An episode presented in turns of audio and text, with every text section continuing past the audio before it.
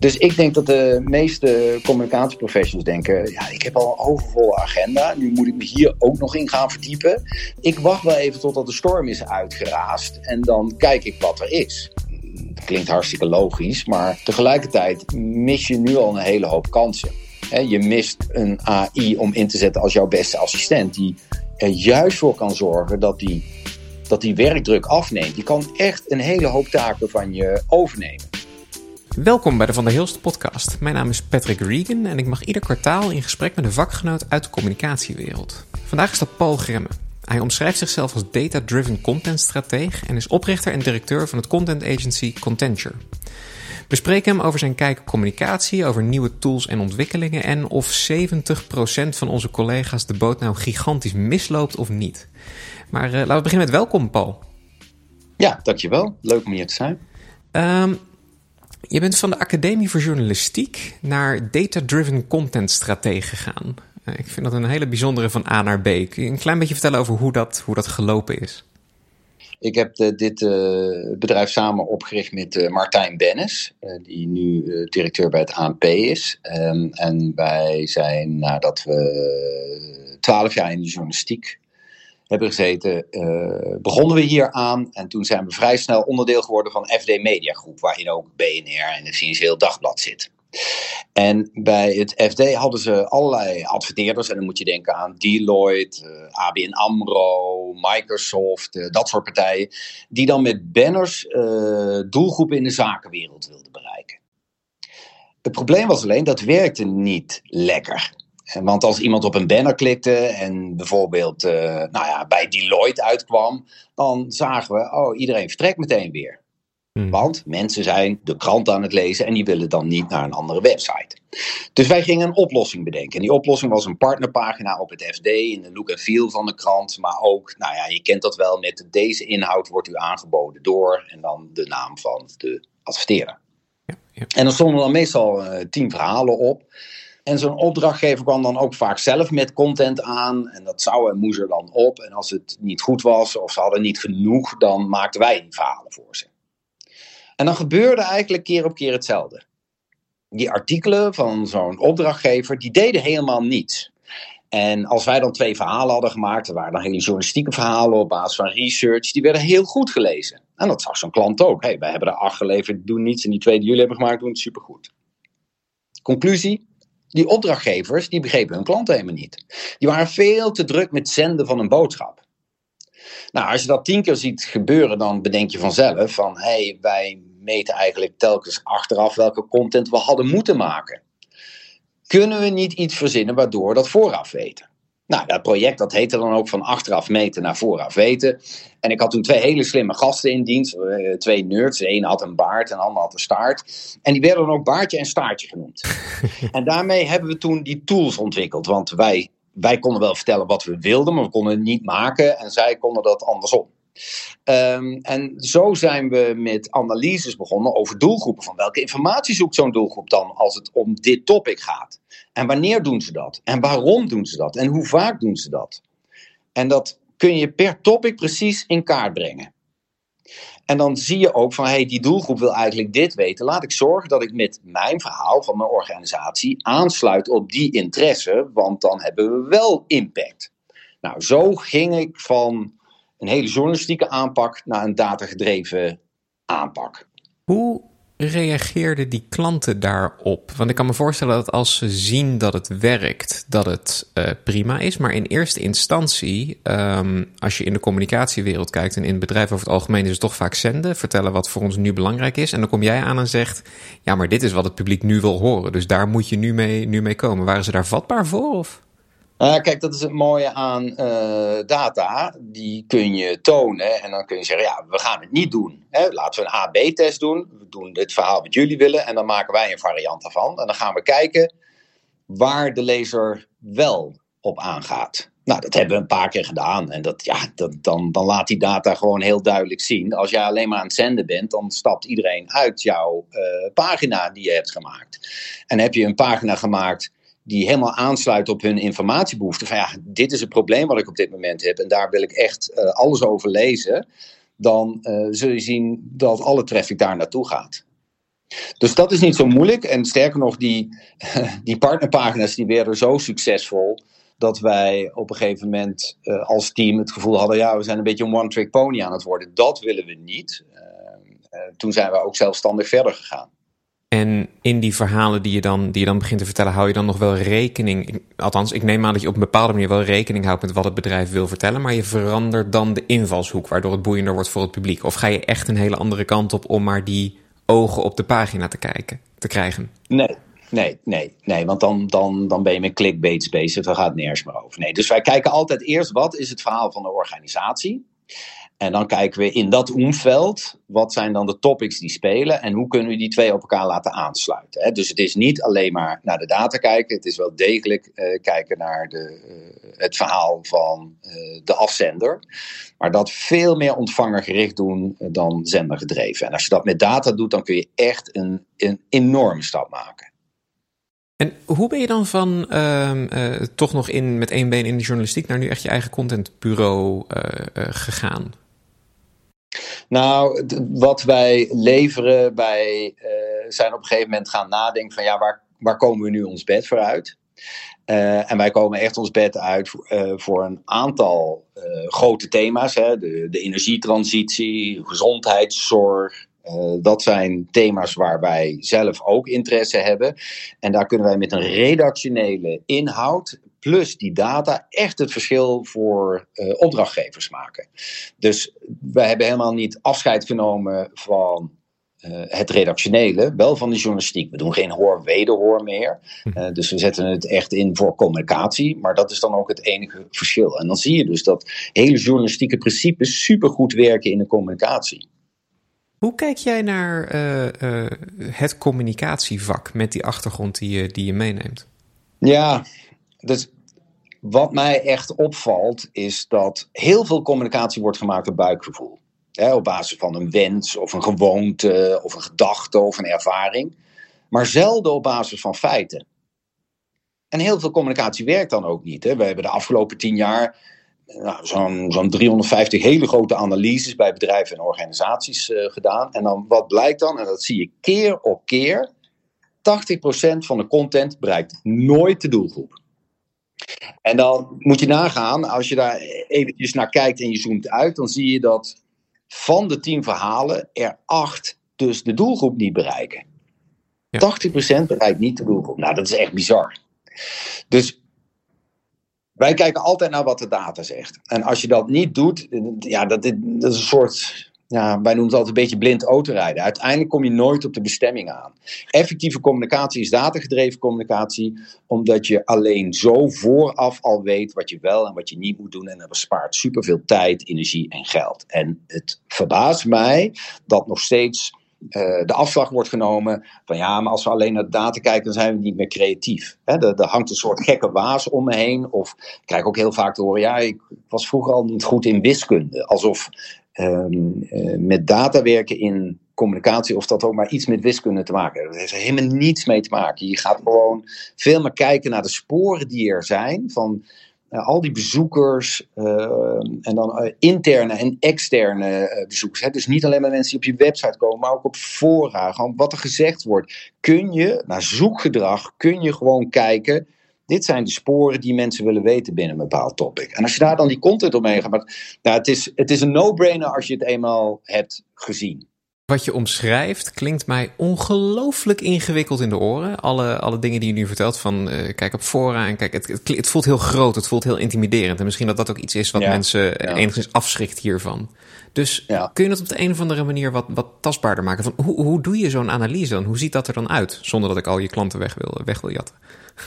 Er is een aantal analyses. Hè. Je kunt een zoekgedraganalyse doen. Hoe zoekt een doelgroep naar een topic?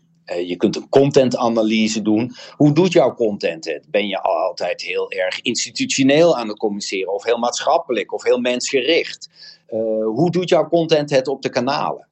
En het gekke is, de meeste uh, communicatieprofessionals, die kijken al een beetje naar data. Ze kijken er alleen met een verkeerde bril op. Ze kijken naar hoeveel likes of hoeveel engagement hebben we uh, bereikt op dit bericht. Maar dat is niet de manier waarop je naar data moet gaan kijken. Uh, hoeveel bezoekers hebben we op een website? Dat is ook niet de manier. Of wat is onze bounce? Is ook niet de manier waarop je naar moet kijken. Dus je moet veel meer met de stap naar achter. Je moet gaan kijken, wat zijn nu onze strategische pijlers? En als je die in kaart hebt, dan moet je gaan kijken, oké, welke content hebben wij onder die strategische pijlers die goed is? En um, nou, uh, worden we daarop gevonden bijvoorbeeld? Als iemand op onze strategische pijler gaat zoeken, staan wij dan in de top 3 van Google. Nou, vervolgens zeggen een hele hoop mensen, ja, maar we hoeven niet per se in de top 3 van Google te staan. Maar Google is eigenlijk een hele mooie objectieve scheidsrechter, waar wij met z'n allen hebben bepaald, uh, rond welk thema dan ook, welke content uh, relevant is of niet. Want maak jij geen relevante content, dan kom je gewoon niet in de top 3, want dan stapt iedereen uit. Dus dat zijn indicatoren waar je naar kunt gaan kijken. En uh, nu denk je, ja, maar het klinkt nog steeds hartstikke veel hartstikke moeilijk. Dat is het niet. Het is wel een proces waarbij je stapje voor stap gaat zetten.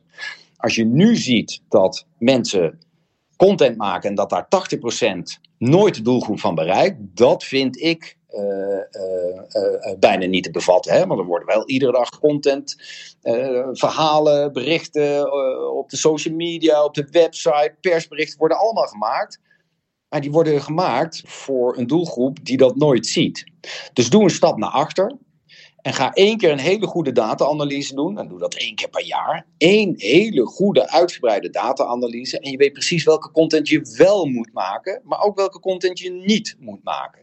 Nou, dat is super belangrijk. Het is, wij zien bij teams altijd een enorme opluchting van: oké, al die flauwekul hoeft dus niet meer. We gaan ons hierop concentreren.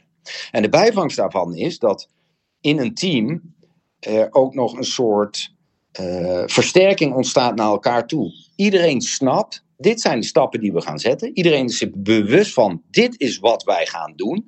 In plaats van, ja, we moeten hierop inzetten, we moeten daarop inzetten. Al die onzin die gaat overboord en gaat kijken, dit zijn onze strategische pijlers. Hierop willen we gevonden worden. Dit zijn de momenten waarop we dat willen doen. En zo gaan we het executeren. Nou, dat, dat, dat, dat geeft ontzettend veel rust. Dus data klinkt afschuwelijk. Ik probeer het woord ook vaak te vermijden, maar het is bijna niet te doen. Hè. Data is eigenlijk gewoon een set van feiten.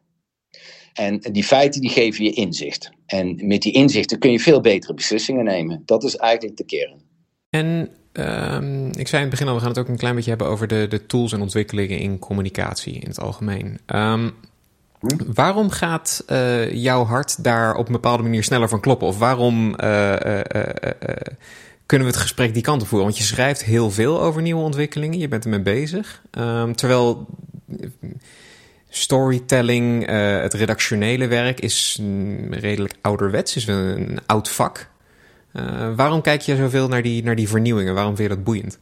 Ja, nou, omdat het een het ander niet uitsluit. Hè. Dat, kijk, die nieuwe ontwikkelingen, dat is met name uh, AI. Um, en er zijn eigenlijk drie redenen waarom AI zo interessant zijn. Omdat ze zorgen voor een transformatie van de communicatie. Hè. AI gaat communicatie en interactie fundamenteel veranderen. Zowel met machines als met elkaar. En de tweede is, er komt een soort nieuwe ethiek van communicatie. Met de opkomst van de AI worden we geconfronteerd met nieuwe ethische vraagstukken rondom privacy en transparantie en manipulatie. En de rol van een communicatieprofessional gaat daar ook in veranderen. Die wordt een soort gatekeeper van informatie. Uh, en die gaat uh, zorgen voor hoe gaan we dit nu bekijken en hoe gaan we hierin navigeren. Nou, dat roept echt boeiende vragen op over de rol en de verantwoordelijkheden van communicatieprofessionals. En de derde grote ontwikkeling is, er komt een herdefiniëring van creativiteit en originaliteit. AI kan nu al teksten schrijven, vinden wij niet goed genoeg, maar kan ook kunst maken, kan muziek componeren, kan nog veel meer. En dit daagt ons uit om na te denken over wat het betekent om creatief te zijn en wat het betekent om origineel te zijn. Dus ja, ik vind dat echt uh, super interessant om te kijken hoe zich dat ontwikkelt, wat de ontwikkelingen zijn um, en hoe je daar als communicatieprofessional um, op zou kunnen anticiperen. En wij doen uh, heel veel data-analyses en daar zit nog verbazingwekkend veel uh, zeg maar handarbeid bij. Hè? Gewoon uren maken in die data, ploeteren.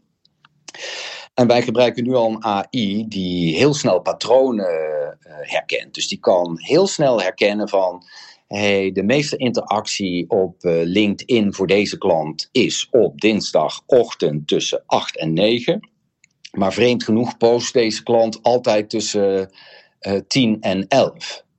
Uh, en dat is dan één klein stapje, maar die kun je in een sequence gaan zetten en dan kan hij precies zeggen um, waar jouw content veel meer effectiviteit heeft. En dan uh, zijn wij daarmee aan het experimenteren. Er zijn hele grote partijen mee aan het experimenteren met enorme budgetten. Dus ik verwacht ook dat daar uh, redelijk snel allerlei tools voor op de markt komen. Je zegt ook wel direct een hele bijzondere eigenlijk tweedeling. Je, je zegt communicatie gaat fundamenteel veranderen. Um, mm-hmm. Je hebt het over de creativiteit, over kunst, over schrijven, maar je hebt het ook over data-analyse en AI. De mm-hmm. sprong die heel veel mensen maken als ze het over AI, AI, hebben, is dat ze gaan kijken inderdaad naar, oh, het neemt uh, mijn persbericht schrijven weg, dat soort dingen. Terwijl mm-hmm. wat je als laatste omschreef is veel meer een soort van persoonlijke assistent en maakt, jou, uh, maakt jouw werk in die zin makkelijker. Zie je daar dan de grootste potentie in hoe het communicatie gaat veranderen? Ja, ja dus dat herken ik heel uh, erg. Als ik uh, vraag van uh, hoe zie je AI als een oplossing, dan zeggen de meeste mensen content. Terwijl um, ik zit hier met allemaal voormalig journalisten en wij gebruiken het niet om content te maken, omdat we het gewoon niet goed genoeg vinden op dit moment. En wij gebruiken hem echt als een AI-assistent. Um, dus die uh, uh, bij brainstorms erbij zit. Uh, al onze meetings doen we met een AI, want dan krijgen we nooit meer van die hele gekke momenten. Van oké, wie noteert er deze keer? En hij, hij herkent gewoon wie er aan het woord is. Hij houdt het feilloos bij. je kunt er heel makkelijk in zoeken. Uh, dus dat zijn kleine stappen. Dan gebruiken we het om een opzet te maken voor brainstorms. We gebruiken het om de SEO te verbeteren. Dus we zien echt een soort vermenging van mens en machine optreden. En bij communicatie gaat dat echt super snel.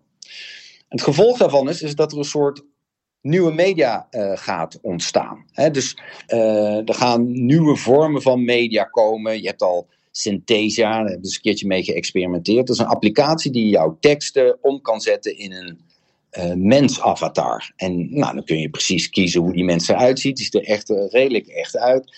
En ik heb dat, uh, nou, ik denk een half jaar geleden. En ik heb het laatst gedaan. Nou, als je dan naar het verschil kijkt, hoe, hoe hard dat dat al gaat. Dus een half jaar geleden zag je echt, hmm, iets klopt hier, iets niet. En nu zie je dat al bijna niet meer. En dan krijg je nog een laatste ontwikkeling, waar we het nog helemaal niet over hebben gehad. Dat is AI als publiek. als communicatieprofessional moet je gaan nadenken over twee soorten publiek waarmee je gaat communiceren. Aan de ene kant met mensen, aan de andere kant met een machine. En dat klinkt raar, maar in zekere zin is dat al bezig. In sommige gevallen is de boodschap niet alleen bedoeld om te worden begrepen door menselijke gebruikers, maar ook door AI-systemen. En dat zie je bij SEO, hè, Search Engine Optimization, zie je dat al gebeuren. Als een communicatieprofessional bijvoorbeeld content creëert voor een website, dan, eh, dan, dan, dan, schrijf je vaak al voor het, het algoritme van Google. Mhm. En dat is gebaseerd op AI. En die analyseren dan de content en die bepalen hoe relevant en waardevol deze is in een bepaalde zoekopdracht. En daar kun je op schrijven. Dat is al dat je, zeg maar, uh, communicatie maakt voor machines en mensen. Ja, dan moet ik wel direct heel cynisch zeggen, maar dan ben ik dus voor een AI aan het schrijven. Is het dan voor mensen nog boeiend? Uh, hoe ga ik er dan voor zorgen dat de, de mensen het nog steeds een interessant, interessant stuk, een interessant verhaal, interessant uh, werk vindt? Nou, omdat die AI uiteindelijk uitvogelt wat de meeste mensen op een heel specifiek topic relevant vinden. Mhm. Dus je schrijft weliswaar voor een AI, maar die AI die is weer aan het checken bij mensen: vind jij deze informatie relevant? Dus uh, je, je speelt de bal eigenlijk via de band. Uiteindelijk maak je dit niet voor een AI, maar maak je dit voor mensen. En het gekke is, iedereen uh, wil bezig zijn met uh, AI en dan kijken hoe kan ik er content mee maken. En niemand wil content van een AI lezen. En toch gebeurt dat al in hele grote mate. ik moet ook een soort van denken aan die cartoon. Die, ik, ik weet niet wie het heeft gemaakt of waar het stond. Maar van uh, ik, heb een, uh, uh, ik heb AI gevraagd om deze e-mail voor me te schrijven. Dus nu ziet hij er heel netjes en groot uit. En aan de andere kant zie je iemand die zegt: Ja, ik heb AI gevraagd om deze e-mail even voor me in te korten. Dat ik niet het hele ding hoef te lezen. Dan krijg je ja, zo'n ja, ja. zo'n spelletje heen en weer. Ja. ja. Um, je zei pas geleden dat je um, een zaal op een conferentie postte over AI-gebruik. Uh, en daar komt die 70% vandaan. Want ruim 70% had het nog nooit uh, gebruikt of heeft er wel eens mee geprutst. Dat betekent dus ook dat 30% het al wel met enige regelmaat gebruikt. Um, zo'n, ik, ik vind dat eigenlijk een hele snelle adoptie. Ja, 70% is heel veel mensen die het niet doen. Maar 30% is ook echt heel veel mensen in zo'n korte tijd. Heb je wel eens eerder meegemaakt dat iets zo snel wordt geadopteerd? Nou ja, dat was op het uh, communicatiecongres. Um, en ik uh, praat vaker hierover. En dan uh, zie je ook wel andere cijfers. Hè? Dus ik ben altijd erg gefocust op die cijfers. Maar laten we inderdaad maar eens een stap terugzetten. Dan zie je nou, ChatGPT die had in zes weken na lancering meer dan 100 miljoen gebruikers. En dat is echt uniek, want WhatsApp die deed er ruim drie jaar over. Instagram twee jaar. En het record was in handen van, uh, oh, nou, hou je vast, Candy Crush. Die deden er een jaar en drie maanden over. Dus waar Candy Crush, wat een spelletje is, wat, uh, wat, wat, wat razendsnel ging, in een jaar en drie maanden om 100 miljoen gebruikers uh, binnen te halen, deed ChatGPT in zes weken. Nou, die cijfers die zeggen eigenlijk genoeg. Er is nog nooit een tool geweest die zo snel zoveel impact heeft gehad. Dus ja, die 30% die is hoopgevend, maar er is ook een verschil tussen wat mensen zeggen en wat mensen doen. He, daarom is een data-analyse van je doelgroep ook zo effectief. Dat, dat, dat, dat selecteert op je gedrag en niet op je sociaal gewenste antwoord. Mm -hmm. um, dus ik heb uh, nou, bijna wekelijks wel eerst een praatje over communicatie en AI. En tot ongeveer twee weken geleden lagen die cijfers nog veel hoger. Uh, toen was wel tot 90% er niet mee bezig. Dus ja, het groeit. Uh, dat mag ook wel, uh, want ja, we zitten hier in een wereld waarbij, hè, de, als we het over communicatie hebben, waarbij het echt het verschil kan gaan maken. Ja. Dus als je zegt van nou, die 70%, waarom doen die dat dan niet? Eh, in, in, zekere zin snap ik dat ook nog wel. Dat gewoon, um, zelfs ik kan het niet bijhouden en ik ben er nog in gespecialiseerd. Ik kan gewoon niet bijhouden wat er allemaal komt. Het is, het is echt een tsunami. Wekelijks zijn er tientallen nieuwe tools. Dus ik denk dat de meeste communicatieprofessionals denken: ja, ik heb al een overvolle agenda. Nu moet ik me hier ook nog in gaan verdiepen. Er is elke keer iets nieuws. Ik weet niet waar ik moet uh, beginnen. Uh, ik wacht wel even totdat de storm is uitgeraasd en dan kijk ik wat er is. Nou ja, dat klinkt hartstikke logisch, maar tegelijkertijd mis je nu al een hele hoop kansen. Je mist een AI om in te zetten als jouw beste assistent, die er juist voor kan zorgen dat die dat die werkdruk afneemt. Je kan echt een hele hoop taken van je overnemen. Uh, bijvoorbeeld een uh, contentkalender uh, maken. daar hebben wij vrij veel mee getest. Die heb ik ook op mijn LinkedIn-profiel staan.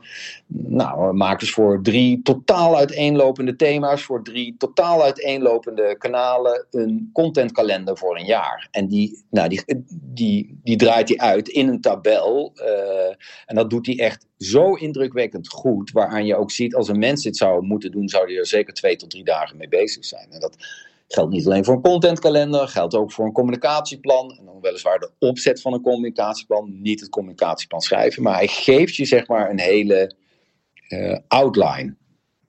dus je kunt het nu al inzetten. Nou, wat ik zei voor meetings en notules. De, heb je speech notes en uh, dictation. En, nou, om te brainstormen kun je chat mee doen. Om te screpen van sites, nieuws, concurrenten. Dan heb je de Forge. Nou, kansen te over. Het is echt uh, zonde als je dat zou laten liggen. Ik wou net gaan zeggen, je vult dus eigenlijk de, de stelling die ik aan het begin maakte, vul je al in. Volgens mij ben je het er dan dus mee eens dat uh, die 70% behoorlijk de boot misloopt of dreigt te lopen. Ja, nou ja, dat is, dat is een hele zwart-wit benadering. Uh, Dan zou je hetzelfde kunnen zeggen als je de eerste vijf jaar van uh, het internet gemist hebt. Nee, dan heb je niet de boot uh, gemist. Um, uh, ik ga dan terug naar, als ik nu kijk dat 80% van de content van de meeste bedrijven, en dat is echt van de meeste bedrijven, en denk dat een hele hoop mensen denken, ja, dat geldt niet voor onze content. Uh, nou, uh, ik doe graag een keer een quick scan bij je, want dan kan ik het waarschijnlijk snel genoeg aantonen dat 80% van je content je doelgroep niet bereikt. Dan is het zonde dat je maar door blijft gaan daarmee in plaats van een stap naar achter. Even goed nadenken, welke tools kunnen we inzetten om veel beter te meten en welke tools kunnen we inzetten om te kijken waar nu echt de informatiebehoefte van mijn doelgroep zit. Dus nou, ik vind niet dat ze de boot missen, maar doorgaan op de manier zoals nu is een beetje zonde van je energie. Je kunt die beter inzetten. En er, is nog nooit een moment uh, geweest waarin er zoveel tools zijn die daarbij kunnen helpen.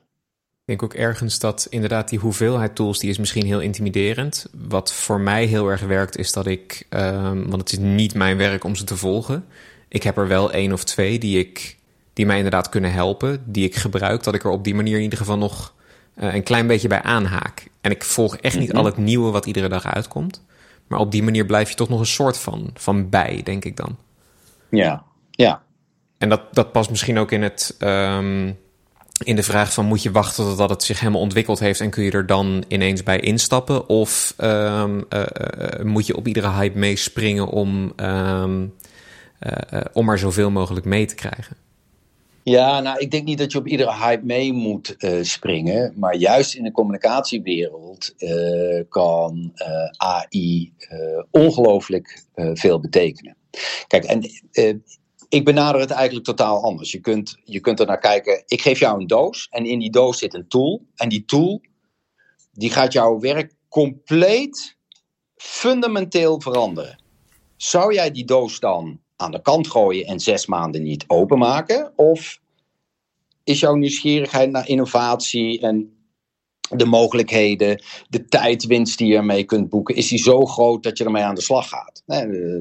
OpenAI is nu zes maanden op de markt.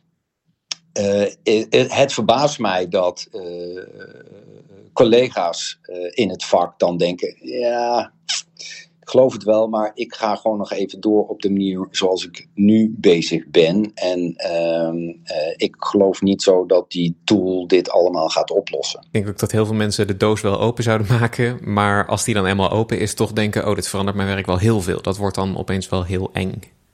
Ja, maar kijk, er is een heel mooi gezegde.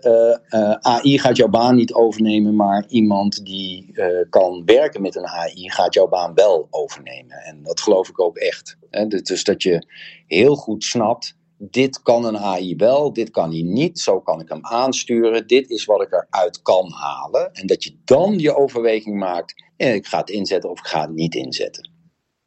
Op basis waarvan bepaal jij of een nieuwe ontwikkeling de moeite waard is om je tijd in te steken of niet?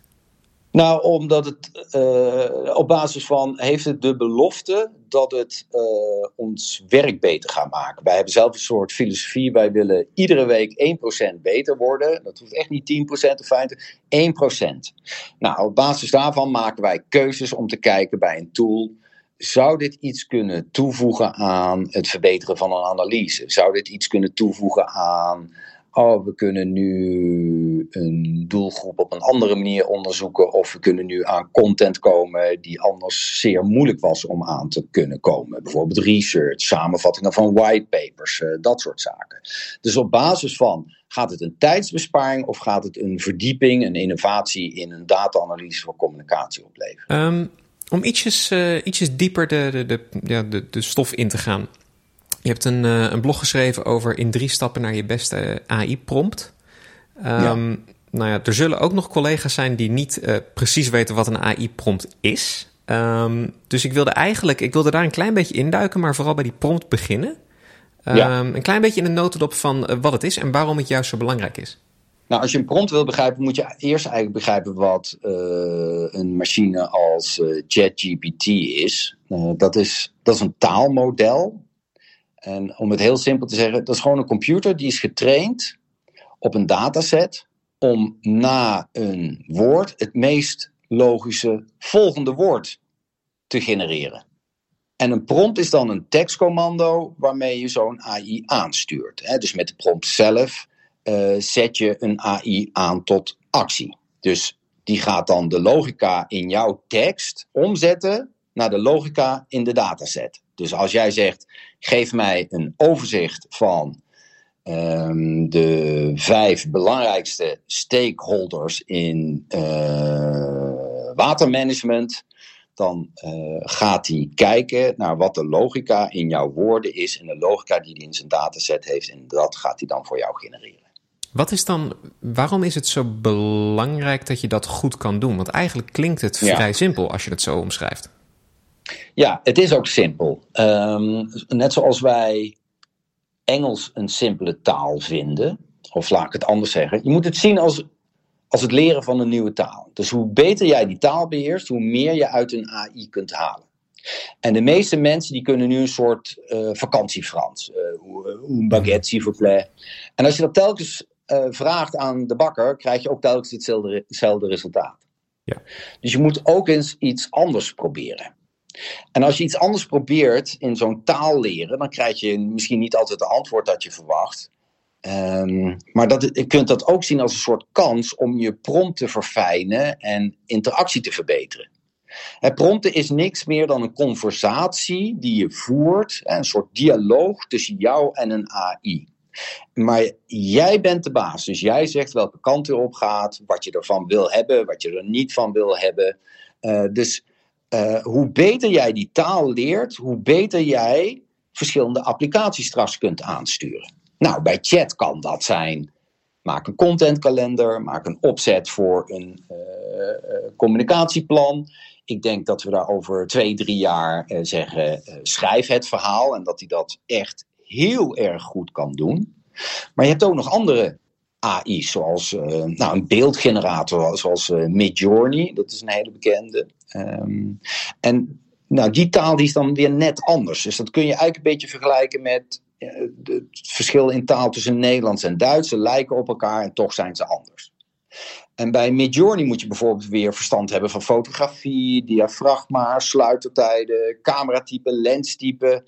En die moet je dan weer meegeven in je tekstcommando. En dan zul je zien dat je daar foto's uit krijgt die zo indrukwekkend zijn dat je bijna niet kunt bedenken: dit is door een AI gemaakt. En dus dat, dat uh, als ik naar communicatie kijk, dan is het niet alleen tekst, maar is het ook beeldgedreven. Je gaat dus zien dat er verschillende tools zijn. Naast ChatGPT ga je Midjourney of uh, DALI of welke dan ook krijgen, waarmee je ook beelden gaat uh, genereren. En nu heb je uh, spelers als uh, Microsoft, die, die, die chat alweer integreren in uh, hun browser. Um, dat niet alleen doen, maar die ook met Microsoft Design komen. En in Design kun je aan de hand van een prompt kun je ook nieuwe beelden krijgen. Dus dat betekent een einde uh, van de fotostokbureaus. Hè? Al die vreselijke foto's waar we anders een hekel aan hebben. Dus die gaat dan op basis van jouw prompt gaat die een custom-made beeld maken. En daarom is het nu zo belangrijk dat je die prompttaal een beetje begrijpt. Want als je dat niet doet, dan ben je hem aan het aansturen en dan denk je telkens... Ja, daar komt onzin uit, onzin teksten, slechte beelden. Het verhaal is eigenlijk, je gebruikt hem verkeerd. Je snapt de taal nog niet. Dus nou ja, ik zie de volgende stap al. Er zijn uh, ontzettend veel partijen die dan denken: ja, we hebben een cursus nodig. Dan kun je een workshop geven. En uh, nou ja, de cursussen die ik heb gezien, die worden gegeven door mensen die nauwelijks twee dingen meer weten dan jij. Dus dat is echt zonde van je tijd en je geld. Ik zou zeggen, leer jezelf deze nieuwe taal. Dat kan echt prima, maar doe het via een methode. Want alleen via een methode kun je kennis stapelen, leer van je eigen fouten. Uh, ook je lucky shots. En dan kun je ook veel beter uh, zien van oké, eh, ik heb het nu zo aangepakt. Toen nam ik die afslag en dat werkte niet. Dus ik moet nu de andere afslag nemen. Voor, voordat ik je wil vragen over die methode, want daar, daar, dat moet wel, die kunnen we nu niet meer links laten liggen. Eén dingetje over het prompten, want je omschreef het als een gesprek. Um, en je omschreef dat je bijvoorbeeld voor Midjourney moet weten hoe bepaalde stukken van fotografie werken. Bijvoorbeeld waar staat het, uh, het onderwerp in mijn kader. Is het dan mhm. zo dat je, uh, je geeft een prompt, je krijgt een antwoord. Vervolgens reageer jij weer op het antwoord door te zeggen: ja, het onderwerp iets verder links in mijn kader of iets dergelijks. Dat is wat je bedoelt met een gesprek, toch? Ja, dus bij chat heb je nog meer een gesprek. Bij Midjourney geef je eerst een volledige prompt. Dan genereert hij via beelden. Uit die beelden kies je iets. Of je bent niet tevreden, je schrijft een nieuwe prompt. Maar dan kies je een van die beelden. En daar kun je op doorprompten. En dan ga je echt dat gesprek aan. ik wil er iets meer blauw in. Ik wil iets meer uh, focus. Ik wil iets meer uitzoom. Uh, zo gaat het, ja. Het is echt een, uh, een, een, een dialoog ik wilde die gewoon even scherp hebben voordat we doorgaan naar, het, uh, uh, naar die methode. Want daar ben ik dan wel heel benieuwd naar. Nou, er zijn een hele hoop methoden. Uh, wij hebben zelf een methode ontwikkeld op basis van alle ervaringen die wij hebben. Van hoe ga je nu met data om? Hoe stuur je een AI aan? en die gaat dan over prompten. Uh, en die gaat eigenlijk in drie stappen. De, eerste is personaliseer je AI. Hè? Dus als jij met chat bijvoorbeeld aan de gang gaat, die weet niets van jou of van jouw leefwereld. Dus die snapt ook niet welk probleem je hebt. Uh, als je zegt van. Uh, ik wil in mijn gemeente, wil ik alle inwoners. Die snapt niet eens dat het over Nederland gaat. Die weet niet wat een gemeente is en die snapt ook niet wat inwoners zijn. Dus je moet context bieden. Nou, dat, dat doe je door te personaliseren. Stap 1 is personaliseren. Stap 2 is produceren. Dan ga je de prompt in werking stellen, zodat hij aan de slag kan. En de laatste is perfectioneer. Dus er zijn drie P's. Personaliseer, produceer, perfectioneer. En bij het personaliseren stem je de chat af op jouw wensen. Dus je zet hem in een rol. dus je zegt, je bent een communicatieadviseur met juridische achtergrond, of je bent de beste copywriter, of je bent een nieuwsredacteur, je bent een vertaler, dat soort zaken. En als tweede, het lijkt heel erg op een hele goede briefing schrijven. Wat is het doel? Wie is de doelgroep? Welke context? Dus dan schets je het kader. Welke taak heb je? Wat is het format? Ik wil een blogpost, een e-mail, wat dan ook. Welke stijl hanteren we? Eh, als je hele goede voorbeelden hebt, voed je chat die voorbeelden. Zeg, kijk, dit zijn de voorbeelden, die moet je toepassen. Wij voeren hem ook data. Uh, dat, dat, uh, als hij ergens goed in is, dan is het data. Dus dan gaat hij lekker hard op. dus je kunt hem data geven over je doelgroep, over de marktontwikkeling, over trends, over concurrenten. Ehm, je moet hem beperkingen geven, want anders kan hij ongelooflijk gaan uitweiden. En uh, dan vraag je: heb jij de opdracht begrepen? En je vraagt ook: uh, heb je zelf nog vragen? En je vraagt: uh, waar kan ik deze prompt verbeteren? En die laatste, die, die vraag die is echt belangrijk, omdat die soms hele mooie inzichten geeft. Nou, als je dat allemaal hebt gedaan, dan uh, geef je hem de opdracht uh, aan de gang. En dan gaat hij aan de gang en dan komt hij met van alles aan. En uh, wij zien het tegenwoordig wel een beetje zo dat vroeger schreef je 80% en deed je 20% eindredactie. En tegenwoordig zal het zo zijn dat je 80% eindredactie doet en nog maar 20% schrijft. Dan ga je perfectioneren. Dan ga je bijvoorbeeld zeggen. Nou, dat is hartstikke mooi waarmee je komt, maar ik ben nog niet direct tevreden. we hebben niet alle mogelijkheden benut. Dus kun je dit verhaal eens achronologisch opstellen. En dan ga je eigenlijk met laagjes werken en in ieder laagje ga je doorvragen. Zeg je, ja, linia 2 mm, van die opzet, dat vind ik niet echt passen. Kun je die eens herschrijven? Uh, doe dat in minder woorden of doe dat in meer woorden. Uh, je kunt hem echt dat soort uh, input gaan geven. Nou, dat doe je bij het perfectioneren. Dat is eigenlijk de laatste fase.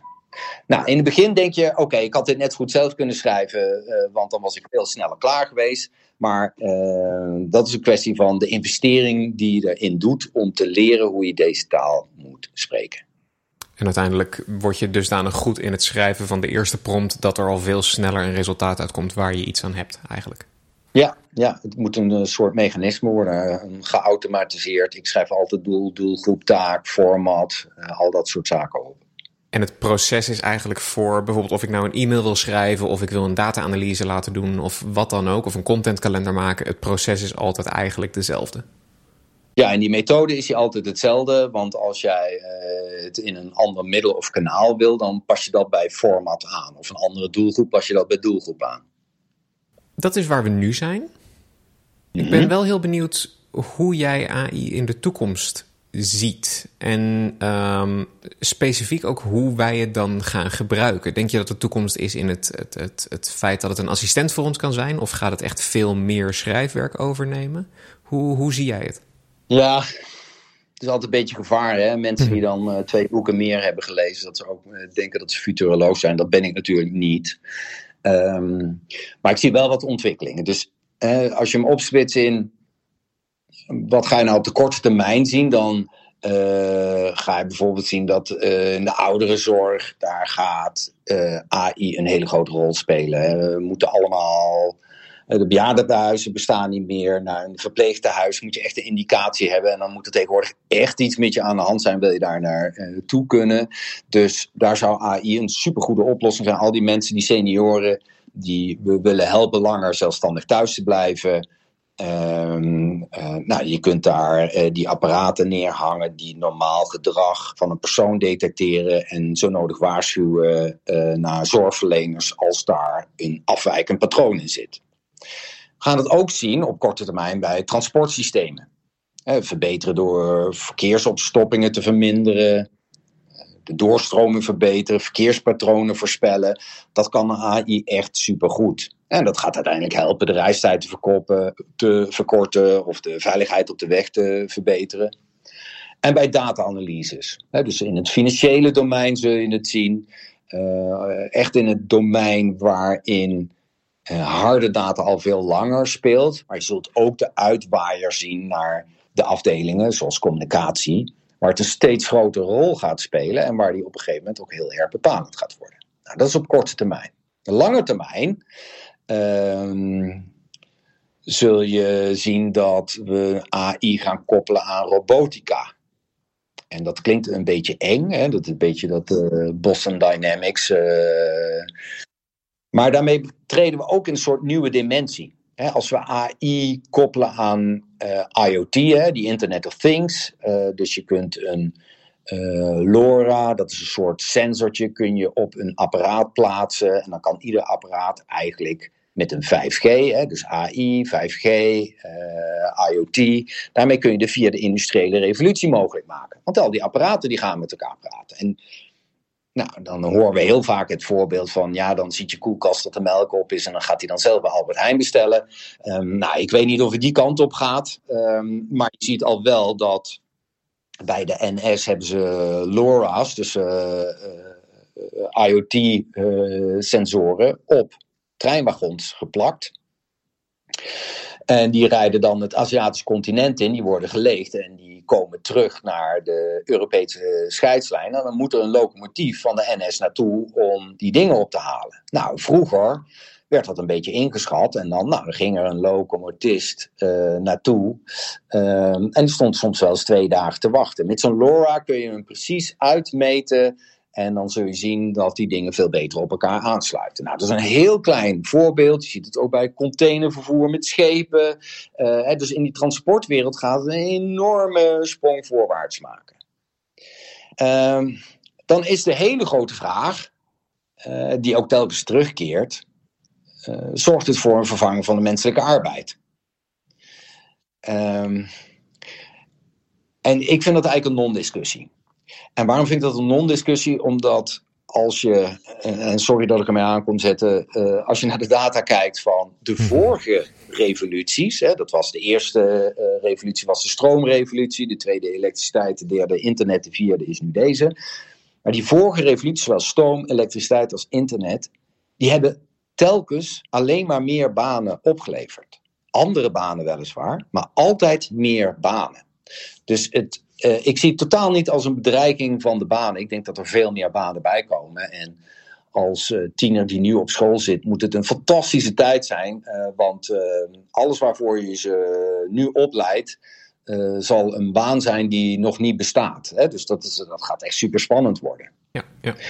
Um, en dan hebben we nog de grote gevolgen in de samenleving op het gebied van ethiek en privacy en veiligheid.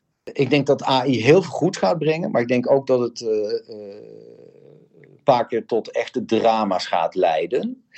Uh, dus ik ben een groot voorstander van wetgeving door de EU. Hè. De eerste stappen worden nu uh, mee gezet van wat kan nu wel en wat kan nu niet. En er is een soort. Uh, ken je de wetten van Asimov? Dat zijn de eerste drie wetten die eigenlijk zeggen wat een AI wel en niet kan doen dus uh, nou, die komt eigenlijk heel simpel op de drie H's komt dat neer.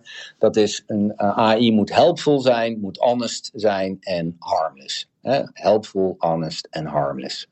En Asimov heeft dat heel mooi uitgeschreven en die heeft als uitgangspunt gereedschap gebruikt. Dus die zei, gereedschap moet veilig zijn. Hamers en schroevendraaiers moeten bijvoorbeeld handvaten die hun grip verbeteren. Gereedschap moet zo efficiënt mogelijk zijn tenzij dit gevaar oplevert voor de gebruiker. En gereedschap mag niet zomaar kapot gaan, tenzij het de bedoeling is uh, dat het maar een beperkt aantal keren meegaat. Nou, zo heeft hij dat doorvertaald naar een robot mag een mens geen letsel toebrengen, of door niet te handelen toestaan dat een mens letsel oploopt. En die tweede wet is, een robot mag of moet de bevelen uitvoeren die hem door een mens worden opgedragen, behalve als die opdracht in strijd is met de eerste wet, namelijk een mens mag geen letsel oplopen. En dan is die derde wet, een robot moet zijn eigen bestaan beschermen. Uh, voor zover die niet in strijd is met de eerste en tweede wet. Dus hè, die wetten die tuimelen over elkaar heen, maar die houden elkaar ook heerlijk in stand. Dus ik vind dat er een, een wetgeving zou moeten komen, op zijn minst een regulering. En niet zozeer voor de ontwikkelaars die wij nu kennen, want daar zijn uh, alle ogen al op gericht, maar veel meer voor de API-gebruikers. Dus OpenAI heeft nu API's, uh, is aan het uitdelen voor mensen die thuis, nou laat ik het op een gemene manier zeggen, uh, uh, onder in de kelder uh, toegang tot de API hebben, maar de data niet delen. daar is geen toezicht op. Ehm, en die kunnen het gaan inzetten om fraude te plegen, gegevens te stelen, echt dat soort zaken. Is dat rampzalig? Ja. Is er een oplossing voor? Ja, denk ik ook. Ik denk dat er straks verantwoordelijke AI's komen. Een AI met de ethische normen en regulering die ervoor zorgen dat andere AI-systemen verantwoordelijk, eerlijk en transparant worden gebruikt. Dus AI's die uh, gaan kijken of de privacy-wetgeving uh, wel wordt gehandhaafd. Uh, AI's die de rechten van individuen gaan beschermen. Dus het gekke is, ja, die AI's zijn gevaarlijk. Tegelijkertijd uh, denk ik dat in de mainstream er AI's worden gemaakt die juist voor regulering gaan zorgen. Je zei er straks ook, um, en ik denk dat dit daar wel mooi op aansluit, als een van de eerste dingen van wat gaat, uh, hoe gaat het communicatie fundamenteel veranderen? Zei je ook dat communicatieprofessionals worden een gatekeeper van informatie um, mm-hmm. en dat daar ethische vraagstukken bij komen kijken. Om het dan een klein mm-hmm. beetje kleiner te maken naar het communicatievak. Hoe ziet dat er dan, dan praktisch uit, wat mensen moeten gaan, uh, wat wij als, als professionals moeten gaan doen? Ja, dat is een moeilijke. Kijk, ik denk niet dat iedereen zich gaat verdiepen in AI, maar dat je dat als communicatieprofessional wel moet gaan doen en dat je binnen de communicatie heel goed moet weten uh, wat nu wel en wat nu niet uh, door een AI is uh, gegenereerd en wat nu wel en wat nu niet uh, kwalijk of schadelijk uh, is. En daarvoor moet je wel enigszins weten hoe dat in elkaar zit en wat er uh, allemaal mee is gedaan. Maar als je dat niet weet, dan heb je echt een serieus probleem. Dan kun je dus ook niet deduceren, maar je kunt ook niet aanwijzen, je kunt niet verbeteren, je kunt ook niet helpen. En een van de rollen van een, een, een communicatieprofessional heeft vijf rollen. Eén daarvan is de linking pin die de buitenwereld en de binnenwereld bij elkaar moeten gaan brengen. Dus ik denk dat uh, binnen die rol AI een grote functie gaat krijgen. Dat je kunt aanwijzen uh, hoe het wel werkt en niet. Er is sinds dit weekend is er een nieuwe tool op de markt. Die heet Dragon. Dragon maar dan met twee keer een A en twee keer een G. Dragon. Uh, daarmee kun je van bestaand beeld, uh, Google er maar eens op, dan heb je bijvoorbeeld een hondje en dat hondje kun je, als dat naar rechts kijkt, kun je het met een simpele muisklik, kun je zeggen op dit punt, ik wil dat je me aankijkt en dan kijkt je hondje in één keer aan. Die AI die vult dat beeld op. Je kunt modellen die een korte broek aan hebben, een lange broek uh, geven. Je kunt een uh, bergketen kun je omhoog trekken. Je kunt een auto kun je uitbouwen. En dat is zo levensecht als je die beelden ziet, dat je je serieus vragen kunt gaan stellen. Wat is nog echt waar ik naar zit te kijken? En is dit slechts één voorbeeld? We kennen allemaal de andere voorbeelden van Oh, een eh, AI heeft maar vijf seconden van jouw tekst nodig om hem op te pikken. En dan kun je die AI alles laten zeggen met jouw stem wat je wilt. Nou, je krijgt die wereld met zoveel aanbod. Dat het super belangrijk is dat je kunt uh, detecteren. Jongens, dit gaat nog wel ergens over. Of het gaat nergens meer over. Hè? We gaan net nieuws krijgen. We gaan net persberichten krijgen. Nou, er gaat nog een hele wereld aan zitten komen. Die moet ook uitrazen. Maar voor communicatieprofessional nu is het super belangrijk om te begrijpen waar staan we, wat is er en wat kan ik ermee. En uiteindelijk, eh, om het dan toch nog een beetje positief af te sluiten, is dat ook heel behulpzaam. En er nu mee beginnen kan je, zoals je zei, ook gewoon heel veel, heel veel tijd besparen. Ja, ik denk echt the good will prevail the bad. Dus uh, het, uh, uiteindelijk nou, laat dat het optimisme in me zijn, zal het goede altijd overwinnen. er is een grotere groep mensen die goed wil doen dan dat, dat, dat hele kleine groepje dat er kwaad mee wil gaan doen.